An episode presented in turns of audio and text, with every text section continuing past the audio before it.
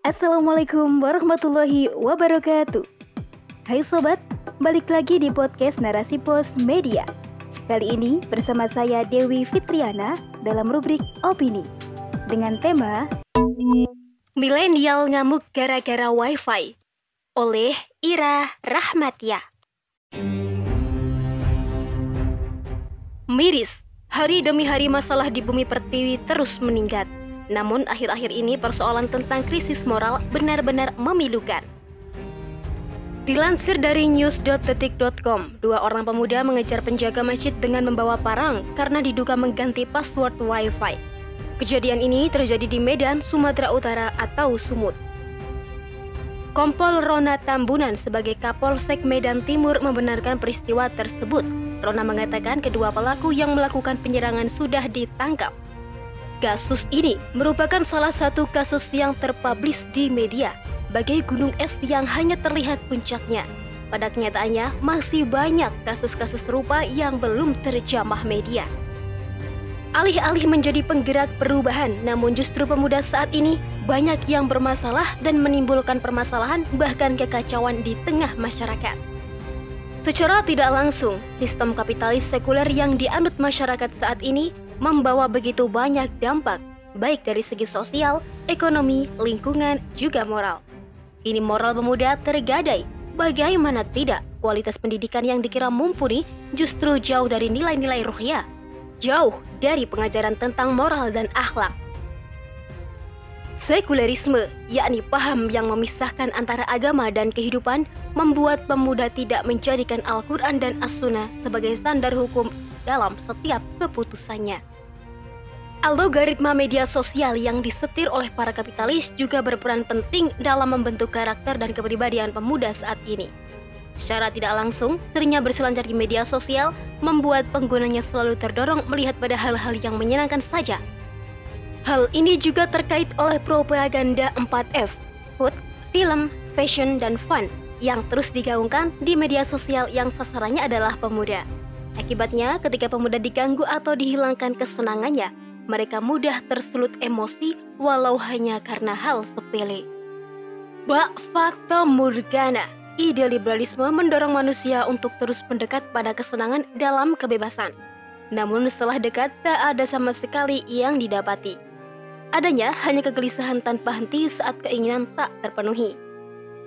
Canggihnya teknologi membuat WiFi menjadi kebutuhan banyak orang Alat ini digunakan mempercepat jaringan untuk berselancar di media sosial. Ada yang berbayar, juga ada yang gratis untuk umum. Namun dalam hal ini, jika menggunakan WiFi milik orang lain tanpa izin, maka haram hukumnya. Statusnya sama dengan mencuri sesuatu milik orang lain.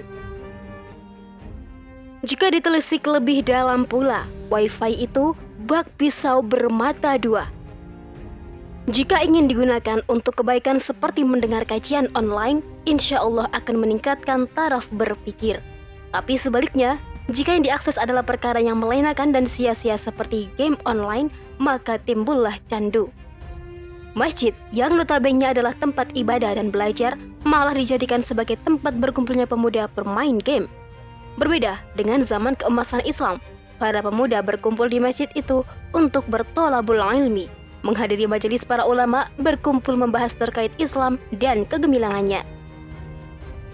Jika dipikir kembali, mengapa semua ini terjadi? Ya, karena pola pikir masyarakat saat ini bersifat individualis, mementingkan diri sendiri. Membiarkan penyimpangan di masyarakat adalah hal yang lumrah terjadi di zaman ini. Hal ini pula dikuatkan adanya hak asasi manusia yang dilindungi oleh negara. Namun mirisnya, banyak yang tak tahu batasan dan jatuhnya fatal. Mindset individualis juga membuat masyarakat menganggap kewajiban memperbaiki generasi itu hanya dilakukan oleh para kiai, ustadz, dan ustazah. Padahal kewajiban dakwah untuk kewajiban amar ma'ruf nahi mungkar wajib dilakukan oleh setiap orang. Di sisi lain, negara yang seharusnya berperan sebagai penjaga akidah malah mengabaikan tugas-tugasnya karena memang dasarnya sistem yang diterapkan bukan bersumber dari Islam. Sistem yang diterapkan berasal dari manusia yang lemah. Ciptaan makhluk dapat diatur seenak hati penguasa. Akibatnya, penyimpangan terus terjadi tanpa henti. Maka tak heran jika dulu kaum muslimin mengangkat pedang untuk melawan pasukan kafir. Namun pemuda sekarang justru mengangkat parang untuk mengejar penjaga masjid. Islam mengajarkan berbudi pekerti yang baik, santun pada yang muda, terlebih pada yang tua. Ia mengajarkan manusia akan hak dan kewajiban, menjaga kehormatan dan kemuliaan diri sendiri, juga muslim-muslim lainnya. Islam pun tegas dalam membedakan mana yang halal dan mana yang haram, sehingga tahu batasan mana yang boleh dan mana yang tidak boleh dilakukan. Saat tegaknya daulah khilafah, masyarakat yang ada disebut dengan masyarakat islami karena penduduknya memiliki pemikiran, perasaan, dan peraturan yang sama, sehingga dengan sendirinya membentuk manusia berkepribadian terbaik. Setiap muslim meyakini wajibnya berdakwah, maka setiap orang melakukan kewajiban tersebut guna mencegah segala tindak kejahatan. Pada usia 15 tahun, setiap pemuda wajib mengikuti pelatihan militer dengan dibekali sakofah militer dan sakofah Islam secara umum. Sehingga di usia produktif, mereka mampu menjadi agen of change di tengah-tengah masyarakat. Seperti yang kita ketahui, Sultan Muhammad Al-Fatih di usia 21 tahun bisa menaklukkan Konstantinopel beserta pasukannya Membangun generasi seperti itu harus dimulai dari peran orang tuanya hingga sistem kehidupan yang memang mendukung terlahirnya generasi penakluk. Maka, bagaimana bisa umat Muslim menaklukkan Roma seperti yang dikabarkan lewat hadis jika generasi saat ini justru tersibukkan pada perkara yang melalaikan? Maka, memang benarlah hanya dengan tegaknya daulah khilafah pemuda berkepribadian Islam bisa hadir membawa kesejahteraan dan kegemilangan Islam.